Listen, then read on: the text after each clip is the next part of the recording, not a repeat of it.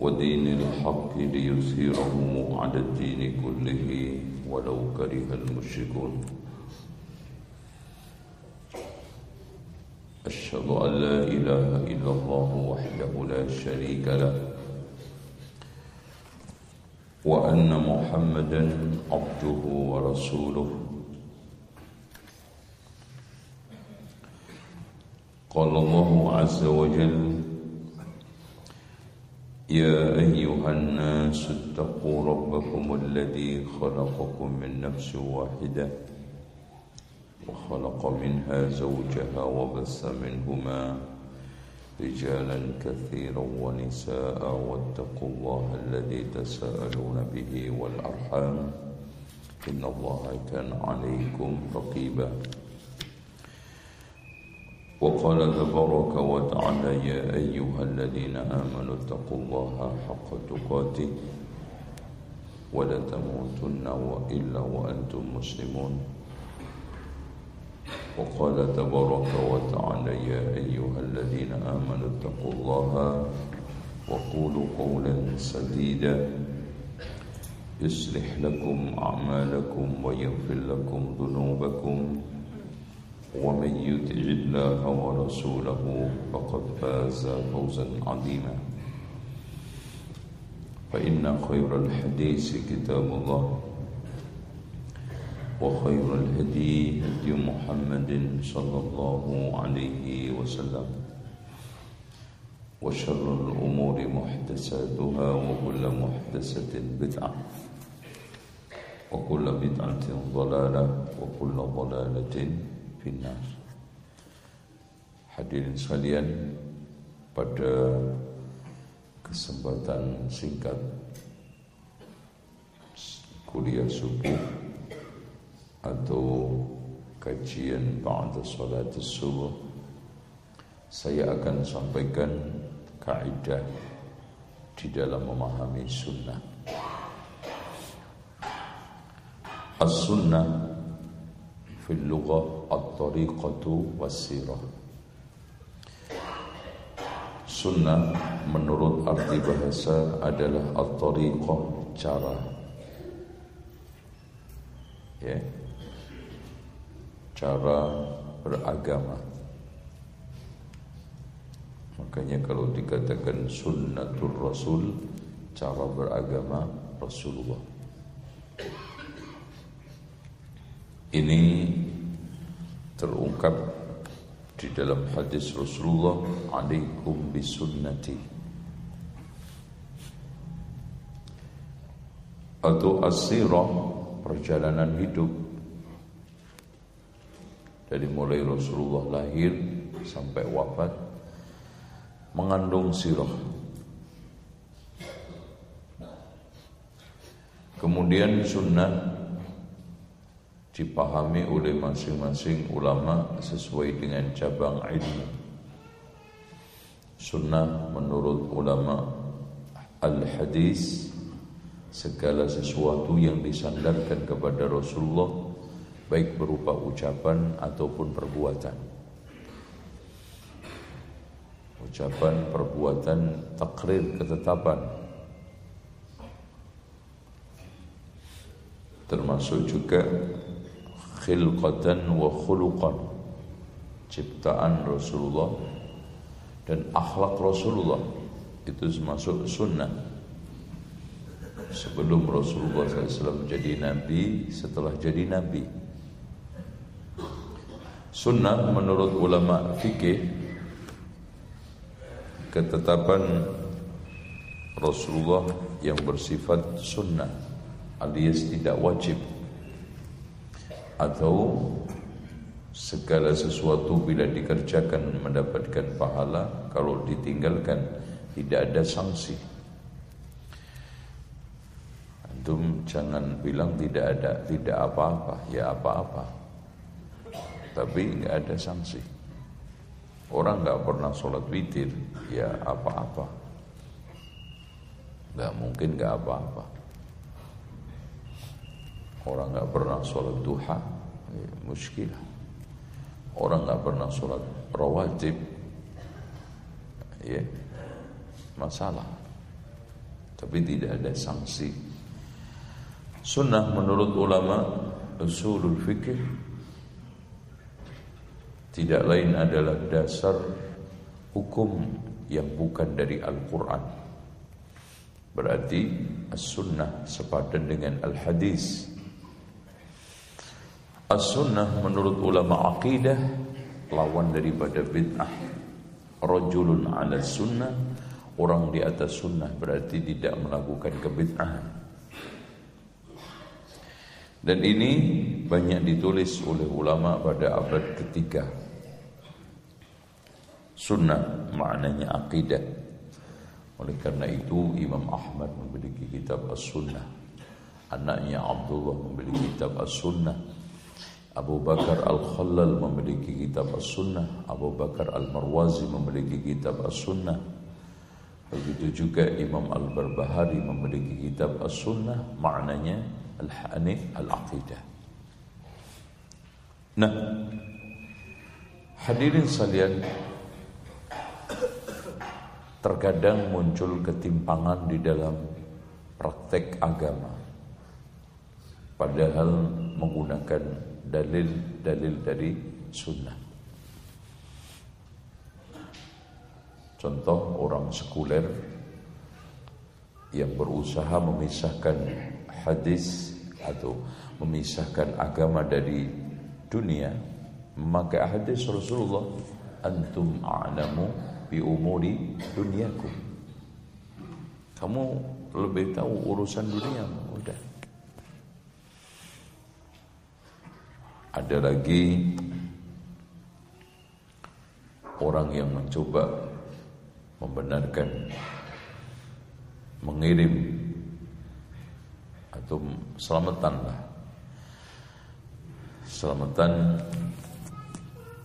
atau membaca tahlil dengan dalil afdalu dzikri la ilaha illallah. Ya Bahkan peringatan maulud Nabi dengan membaca salawat menggunakan man shalla alaihi salatan wahidatan sallallahu alaihi biha asyra menggunakan hadis. Intinya seperti yang dikatakan oleh Imam Ibn Qayyim di dalam kitabnya Syifaul Anil tidaklah ada satu ahli bid'ah pun telah memperalat Al-Quran dan Sunnah untuk menguatkan bid'ahnya itu pasti. Dari mana itu semua? Dari cara memahami. Makanya Al-Quran kalau sudah sahih nggak mungkin salah. Al-Quran nggak mungkin salah. Hadis yang sahih nggak mungkin salah. Yang bisa salah apa? Pemahaman. Makanya Imam Ash-Syafi'i mengatakan kam min aibin qawlan sahihan fa'afatuhu minal fahmi syaqim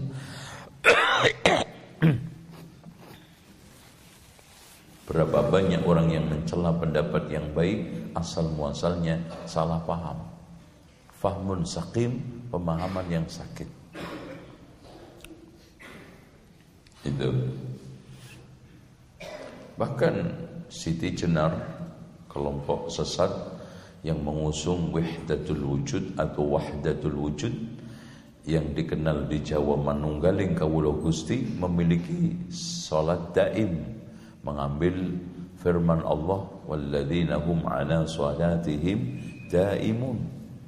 Salat daim tanpa wudhu tanpa gerakan tanpa waktu tidur pun sedang salat. Itu salat daim. Semua ahli bid'ah ya, ahlul ahwa memperalat Al-Quran dan Sunnah untuk menguatkan kebid'ahannya dari mana pemahamannya yang diacak-acak? Makanya di sekalian tahriful kalim amma wadi'i di antara kebiasaan ahlul kitab yang ditiru oleh umat Islam yang nanti insya Allah kita akan bahas adalah menyimpangkan kalam Allah, firman Allah, kitabullah dengan cara merubah teksnya Kalau di Islam, di Al-Quran nggak mungkin. Kenapa? Karena Allah berfirman, Inna nahnu nazzalna dzikra wa inna lahu lahafidun. Tapi yang mungkin adalah disimpangkan tafsirnya. Ya, diacak-acak pemahamannya. Muncul berbagai macam tafsir liar terhadap Al-Quran yang tidak sesuai dengan kaidah-kaidah tafsir yang benar. Di situ. Eh, contoh aja bagaimana liberalis menggunakan firman Allah yang ada di dalam surat Al-Baqarah ayat 62 untuk menguatkan liberalisasinya, membenarkan liberalnya. Itu. Oleh karena itu di sini ada sekalian kita perlu memiliki kaidah untuk memahami Al-Quran dan Sunnah. Wabil khusus kali ini adalah Sunnah. Yang pertama adalah mengutamakan pemahaman para sahabat. Ini tidak bisa kita ingkari. Sebagaimana yang dikatakan oleh Abdullah ibnu Mas'ud Man kana minkum muta'assiyan falyata'assa bi ashabir rasuli sallallahu alaihi wasallam. Barang siapa di antara kalian yang ingin menjadikan seorang sebagai suri tauladan, panutan dalam agama, hendaknya menjadikan para sahabat menjadi panutan. Kenapa? Fa innahum abarrul ummati karena mereka itu orang yang paling baik hatinya. Alias iman takwanya dijamin. Tidak ada generasi yang bisa menandingi iman dan takwanya para sahabat. Keikhlasan para sahabat dalam beragama. Abarul ummati quluba wa a'maquha ilma. Paling dalam ilmunya. Karena mereka langsung belajar kepada Rasulullah sallallahu alaihi wasallam. Bagaimana Rasulullah menafsirkan Al-Qur'an? Bagaimana Rasulullah mempraktekkan tafsir Al-Qur'an? Kemudian bagaimana Rasulullah SAW mempraktekkan syariat Islam dan hadis berhadis langsung mereka ambil dari lisan Rasulullah. Itu. Bahkan kata Imam Ash-Syafi'i Sejatinya seluruh hadis Rasulullah Pada asalnya adalah Hasil pemahaman Rasulullah SAW terhadap Al-Quran Makanya nggak mungkin ada hadis yang benturan dengan Al-Quran Yang harus ditolak Sehingga muncul ingkar sunnah nggak ada Ya Nah Wa aqalluha takallufa paling sedikit penyimpangannya. Ya, paling sedikit. Kenapa dia salian? Karena kalau mereka salah langsung ditegur oleh Allah atau Rasulnya. Dan generasi paling terjaga. Coba bayangkan ada salian ada seorang sahabat, ada tiga orang sahabat yang datang untuk mengecek ibadahnya Rasulullah ka'annahum taqalluha akhirnya meremehkan dengan mengatakan Rasul kan patut melakukan ibadah hanya seperti itu karena sudah dijamin surga, dosanya sudah diampuni. Apatah kita? Belum. Oleh karena itu, kalau kalau kalau begitu saya akan puasa terus nggak buka. Yang satunya saya akan sholat terus nggak tidur. Yang satunya saya tidak akan menikahi perempuan dan makan daging langsung diluruskan oleh Rasulullah. Makanya para sahabat ridwanullahi alaihim ketika mengenali perbuatan itu dilarang atau tidak ya teguran wahyu atau teguran Rasulullah. Contoh kunna na'zil wal Qur'anu yanzil wa la yanhana an dzalika. Quran turun, eh, kami melakukan azal, Quran turun tidak melarang kami. Ini nah wa aqwamuha khuluqah. Paling lurus akhlaknya, enggak ada lagi. Tidak ada manusia yang paling lurus akhlaknya dibanding para sahabat. Kalau memang seperti itu hadirin sekalian dijamin siapa yang mengikuti pemahaman pengamalan mereka selamat. Makanya ketika kita menafsiri firman Allah, ihdinas siratal mustaqim. Siratal mustaqim menurut Abdullah ibnu Abbas adalah Islam. Siratul mustaqim menurut Abdullah ibnu Mas'ud adalah Al-Quran. Siratul mustaqim menurut Ali bin Abi Thalib adalah kitabullah. Bahkan Abu Aliyah mengatakan siratul mustaqim adalah jalannya Abu Bakar dan Umar dalam beragama. Berarti kalau kita artikan Ya Allah tunjukkanlah kami di dalam memahami dan mengamalkan Islam, Al-Quran, Kitabullah sesuai dengan jalan cara beragama Abu Bakar Umar. Makanya tidak ada pertentangan alaikum bisunnati wa sunnatil khulafa'ir rasyidin. Bahkan ikut sunnah khulafa'ir rasyidin sama saja ikut sunnah Rasulullah. Ikut sunnah Rasulullah melazimkan untuk mengikuti cara beragama Abu Bakar, Umar, Utsman, Ali karena tidak ada yang benturan. Makanya dari sekalian ada kadang orang membuat bid'ah hasanah. Walaupun bid'ah hasanah itu kalimat yang rancau. Bid'ah itu nggak ada dalilnya. Hasanah baik nggak mungkin kalau nggak ada dalilnya kita bisa mengatakan baik. Eh gimana? Antum pakai logika di mana? Baik. Contoh eh kasih contoh barang baik yang nggak ada dalilnya. Perbuatan yang dianggap baik nggak ada dalilnya. Siapa yang anggap baik? Manusia tanpa Allah dan Rasulnya bisa? Nggak mungkin. Baik, baik menurut Allah dan Rasulnya, jelek, jelek menurut Allah dan Rasulnya. Makanya ada sekalian, bid'ah itu sesat, hasanah itu baik. Coba kandengin. Sesat yang baik.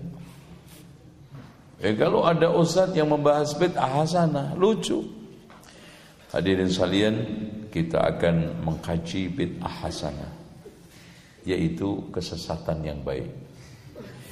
Mudah-mudahan kita nanti menjadi orang-orang sesat tapi baik. Dan semoga kita semua menjadi orang-orang baik yang tersesat.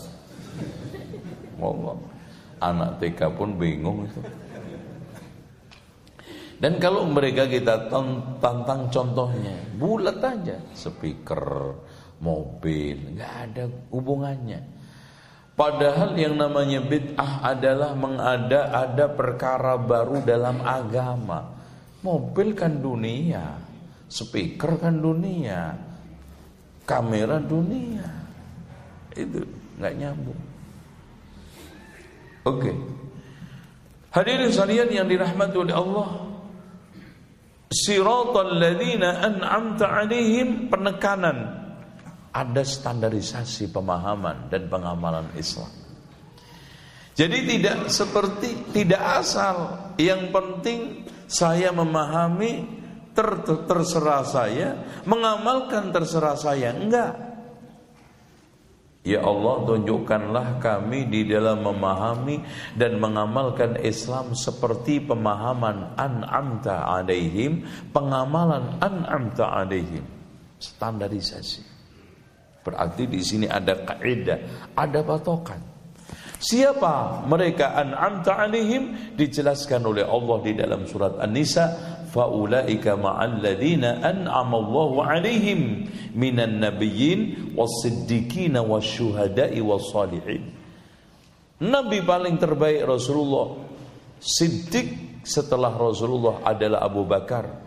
Syuhada yang dijamin masuk surga adalah mereka yang wafat perang Badar, perang Uhud, perang Khandaq, perang bersama Rasulullah. As-salihin manusia paling soleh setelah Rasulullah sahabat terdepan khulafaur rasyidin. Kalau memang begitu, pemahaman dan pengamalan Rasulullah, Abu Bakar, Umar, Utsman, Ali, sahabat pada umumnya yang telah dijustis oleh Abdullah ibnu Mas'ud paling baik hatinya, paling dalam ilmunya, paling sedikit penyimpangannya, paling lurus akhlaknya. Dan itu mau cari siapa lagi? Mau ngikuti John Lennon, mau mengikuti Markus, Thomas, ngikutin Abu Bakar. Makanya dari sini keanehan orang yang anti Arab sebetulnya anti Islam. Antum lihat, nggak cocok sama sekali. Nabinya dari Arab, Al-Qur'annya bahasa Arab, sholatnya bahasa Arab, adanya bahasa Arab.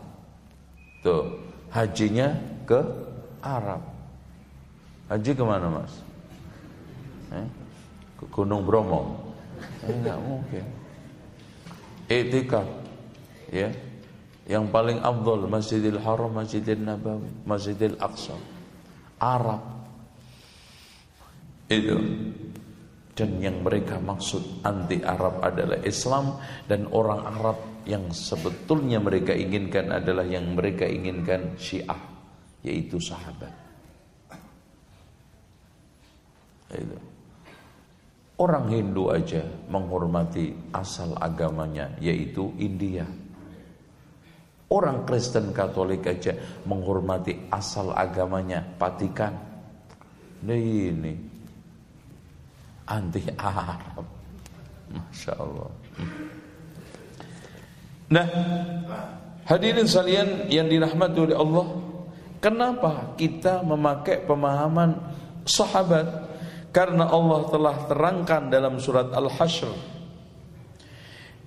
fuqara'il muhajirin alladhina ukhriju min diyarihim wa amwalihim yabtaguna fadlan min Allah wa ridwana mereka dijamin diridhoi Allah radhiyallahu anhum wa radu'an itu ya sahabat Tidak ada yang paling sahih.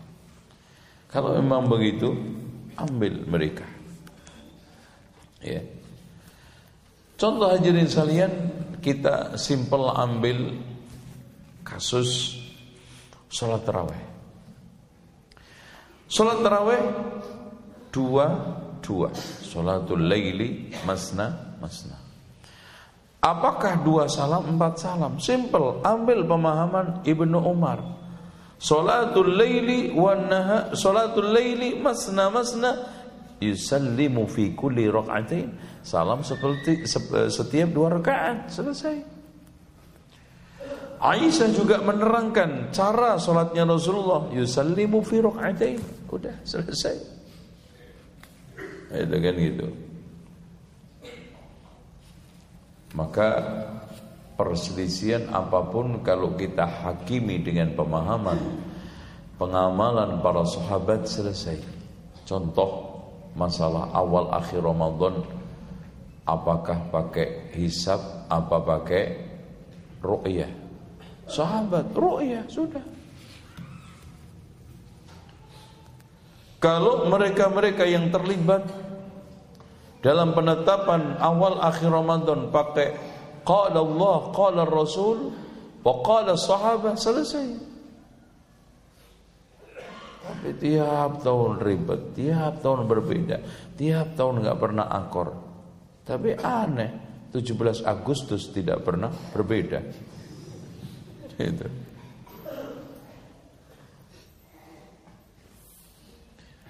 Kemudian yang selanjutnya kedua adalah mengetahui asbabul wurud hadis. Penting ini, Pak.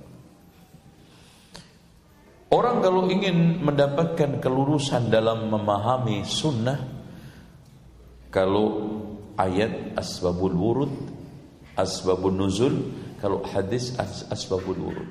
Contoh tentang hadis antum a'lamu bi umuri dunyakum tadi. Ya. Ceritanya ada sekelompok sahabat ketika Rasulullah datang di Medina melihat para petani naik turun pohon kurma kasihan. Itu kan susah, Pak. Ngawinin kurma itu kan susah. Ya, mendingan ngawinin anak. Nah, akhirnya Rasulullah usul nanti kalau sudah berbuah pun biarin aja deh buah. Walhasil tahun itu kurma tidak banyak yang berbuah, bahkan gagal panen. Akhirnya mereka datang ya Rasulullah ini wahyukah atau istihad? Kalau wahyu kita teruskan, nggak kita kawinkan. Karena pasti Allah mengganti dengan satu ganti yang lebih baik. Seperti umatnya Nabi Musa ketika dibingungkan di padang pasir diberi makan oleh Allah al-manna wa salwa. Rasulullah mengatakan ini adalah istihad saya. Ya Rasulullah, kami-kami petani kurma lebih tahu bagaimana mengelola kurma. Wajar. Rasulullah Mekah kehidupan dagang nggak tahu pertanian. Datang baru di Medina istihad Akhirnya Rasulullah mengatakan antum a'lamu bi umuri dunyakum. Contoh lagi, orang ketika memahami man sanna sunnatan hasanatan bolehnya membuat bid'ah hasanah. Tuh, dengan alasan oh Umar kan ngadain terawih yang tidak pernah diadakan Rasulullah. Pertama, anda salah. Rasul tidak pernah mengadakan, bahkan Rasul pernah kemudian dihentikan semata-mata takut diwajibkan. Kedua, Umar itu siapa? Umar adalah khulafaur rasyidin yang dijustis Rasulullah alaikum bisunnati wa sunnatil khulafaur rasyidin. Ente itu siapa? Mau bikin sunnah? Nah? Kalau khulafaur rasyidin alaikum bisunnati wa sunnatil khulafair rasyidin. Seandainya terawih itu tidak pernah dipraktekkan Rasulullah, kemudian diadakan oleh Umar, sah karena alaikum bisunnati wa sunnatil khulafair rasyidin. Ente ngadain tahlilan siapa ente? Eh? Khulafair rasyidin. Antum alaikum bisunnati wa sunnatil siapa? Waluyo. Enggak ada. Yang kedua dari sekalian, man sanna itu bukan man apa? Ibtada'a, memulai. Enggak. Memulai sunnah, membuat sunnah, mengadakan sunnah, enggak ada. Man ahya, siapa yang menghidupkan? Asbabul urutnya menerangkan. Di mana ketika datang Bani Mudor yang mengemis ke Madinah karena musim paceklik. Sementara Rasulullah ketika itu pun tidak memiliki banyak persediaan, akhirnya memotivasi para sahabat untuk infak. Datanglah Ansor yang membawa kurma sampai tidak kuat ngangkat. Dikasihkan ke mereka. Akhirnya diikutin satu dua berikutnya oleh banyak sahabat. Man sanna sunnatan hasanatan falahu ajruha wa ajru man amila biha. Itu clear. Enggak ada masalah. Mananya yang bid'ah itu boleh diada-adakan? Enggak ada. Begitu juga wa man sanna sunnatan sayyatan. Di kampung ini dulu tidak pernah ada acara apa ya membaca Al-Quran sampai hatam di kuburan ketika ada orang mati. Eh, ada ustadz datang dari Jawa, mulai satu kali, dua kali, eh akhirnya memasyarakat, mansana, menghidupkan. Yang di Jawa sudah ada, dihidupin di Lombok. Itu loh Pak maknanya man sanna sunnatan sayyi'atan. Itu. Wa man sanna sunnatan sayyatan. Man sanna sunnatan hasanatan yang baik. Contoh jadi sekalian ada orang yang memahami poligami nggak boleh karena Rasulullah nggak terima ketika Ali bin Abi Thalib mempoligami anaknya siapa? Iya, nggak mau. Bukan nggak mau poligami. Rasulullah terang-terangan menolak poligami nggak ada. Bahkan jelas. Ya fangkihu ma lakum minan nisa'i matna wa thulatha wa ruba. Rasulullah praktek juga. Rasulullah hanya menegaskan wallahi la tajtami'u bintu Rasulillah wa bintu aduwillah inda rajulin wahid. Demi Allah enggak bisa kumpul putrinya musuh Allah dengan putrinya Nabi Allah di tangan seorang laki-laki itu masalahnya. Musuh Allah.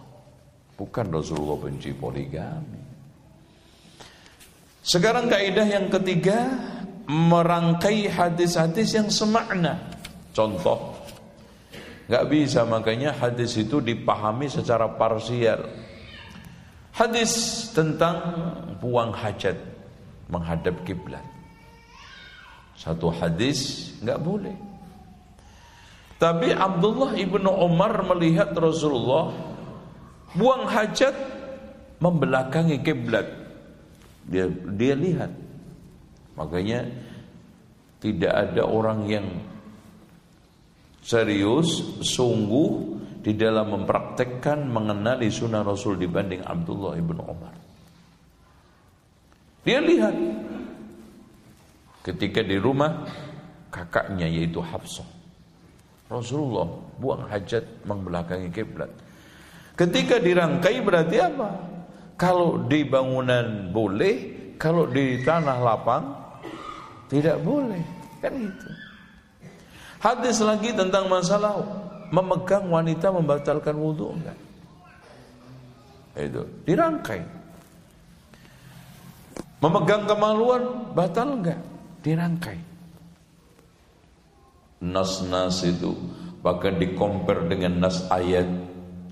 Setelah kita rangkai Rasulullah sallallahu alaihi wasallam menegaskan eh Aisyah radhiyallahu anha menegaskan qabbala Rasulullah sallallahu alaihi wasallam ba'd nisa'ihi. Rasulullah SAW mencium istrinya Summa yusalli kemudian solat wala yatawadda tidak wudu. Oh kan itu. Dirangkai lagi pernah Rasulullah SAW solat karena apa namanya kakinya Aisyah membujur karena beliau ingin sujud dia pegang berarti nggak batal dirangkai di dalam hadis Rasulullah dijelaskan man massa dzakarahu falyatawadda. Siapa yang memegang kemaluannya hendaknya wudu. Tapi di sana ada seorang sahabat, "Ya Rasulullah, saya sholat garuk-garuk kepegang." Oh, berarti kalau sengaja batal, kalau tidak sengaja nggak batal. Dirangkai. Maksudnya sengaja ingin membangkitkan syahwat gitu loh. Ya ngapain mau sholat garuk-garuk? Ngemak-ngemak, ya kan? Kalau sengaja nggak ingin membangkitkan syahwat ngapain? Kalau nggak sengaja, ya sudah, gitu loh. Dan masih banyak macam hadis-hadis seperti ini yang perlu kita rangkai. Contoh hadis Rasulullah yang dari Aisyah tadi di mana Aisyah menjelaskan solat tarawihnya Rasulullah atau qiyamnya Rasulullah yusalli arba'an fala wala wala tas'al an husnihinna wa tulihinna thumma yusalli arba'an wala tas'al an husnihinna wa tulihinna thumma yusalli salasan dan seterusnya. Rasulullah SAW sholat empat. Jangan kamu menanyakan tentang mana yang paling bagus Mana yang paling panjang. Terkesan Rasulullah seakan sholat empat salam. Tapi tolong dicamkan Hadis ini tidak sama sekali memberikan teks yusallim salam setiap empat rakaat. Hanya mengatakan Rasulullah sholat empat. Ternyata setelah dirangkai dengan hadis Muslim, Aisyah menjelaskan tentang qiyamnya Rasulullah yusallimu fi kulli rak'atain salam setiap dua rakaat. Berarti kalau dirangkai solat malam itu dua salam, dua salam, empat istirahat. Bahkan istirahatnya disebutkan di dalam Fathul Bari selama satu rakaatnya. Makanya di antara mereka dulu itu berdiri sampai dengan tongkatnya karena lamanya diam. Kalau sekarang inna kulhu, inna kulhu, ya nggak capek. itu kan gitu. Makanya giliran istirahat teriak-teriak, Muhammad, fadlan min Allah wa ni'mah, ya tawab ya wasi'al maghfirah, ya arham, karena nggak capek. Itu. Oh, dulu itu uh, Abdullah ini Umar bin Khattab radhiyallahu an Amirul Mukminin ketika mengumpulkan solatut taraweh dengan satu imam memerintahkan yang solatnya cepat hendaknya membaca minim 30 ayat. Yang solatnya sedang minim membaca 25 ayat. Yang solatnya lambat minim 20 ayat. Dua. Dan itu nanti rata-rata hatam. Nanti kalau enggak satu juz dua juz dalam satu malam. Begitu. Di sini kadang-kadang masya Allah racing, itu gayanya cundal-cundil, cendat-cendit, gebek-gebek, mencolot. Itu, itu terawihnya orang Indonesia, ya kan? Nauzubillah. Selanjutnya dari sekalian cara memahami sunnah yang keempat mencari titik temu hadis-hadis yang berbeda. Jadi kalau kita mendapati hadis yang berbeda, jangan terus langsung dihakimi, wah ini kontradiksi, wah ini nggak bisa diterima. Hadirin sekalian, kalau ada hadis yang terkesan benturan, sementara membahas satu hukum, itu alternatifnya cuma salah satu di antara tiga, nggak mungkin lain. Satu hadisnya salah satunya doa, pasti itu. Kalau enggak salah satu hadis ini nasakh hilang hukumnya atau ininya. Yang ketiga, pemahamannya yang enggak nyampe. Ini pemahamannya yang enggak nyampe. Ya, makanya akal yang sehat sama akal yang sehat enggak benturan. Quran dengan Quran enggak benturan, sunnah dengan sunnah enggak benturan. Al-Quran dengan sunnah nggak mungkin benturan. Kalau ada benturan pasti salah satunya doib atau salah satunya dinasakh atau kita tidak bisa memahami dan menemukan titik temunya. Ya kalau begitu oh bodoh ente ngapain ngurusin? Itu kan wah pak ini hadis nggak masuk akal, akalmu kecil banget ya nggak masuk masuk. Eh, kan gitu. Coba kalau akalnya Imam Syafi'i masuk, ya akalnya Imam Ahmad masuk, lah akal ente lubangnya segini, nggak masuk masuk, bilang nggak masuk akal. Hadis tentang lalat nggak masuk akal pak, corok banget pak, masa lalat dimasukin? Ya setelah diteliti oleh para ilmuwan, sohe, wah pak nggak masuk akal, masa minum kencing onta? Itu setelah diteliti ternyata masya Allah mengandung imun pankreas sama empedu cukup bagus. Makanya siapa yang sering minum kencing onta terutama kencing pagi yang penting bukan yang mau mengembala enggak mau mengembala onta repot. Ya. dan itu beda ya. Cirinya bening kuning terus baunya sangat menyengat.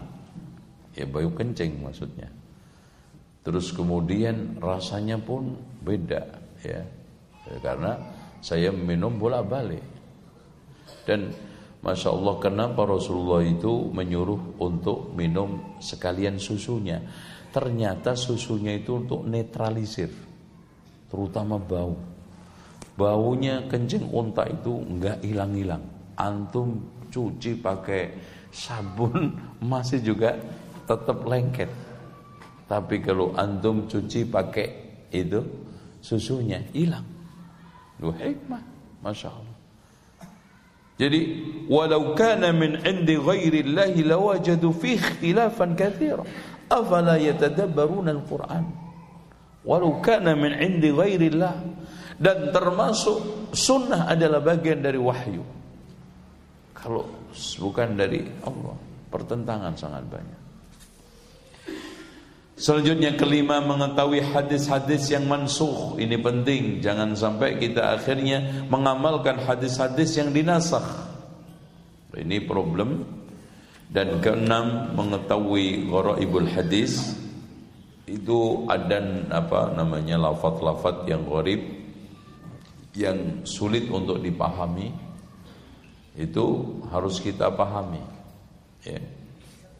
Karena Jangankan kita, orang Arab aja eh, nggak eh, paham semua bahasa Arab kecuali setelah melakukan penelitian atau tanya kepada orang-orang yang faham.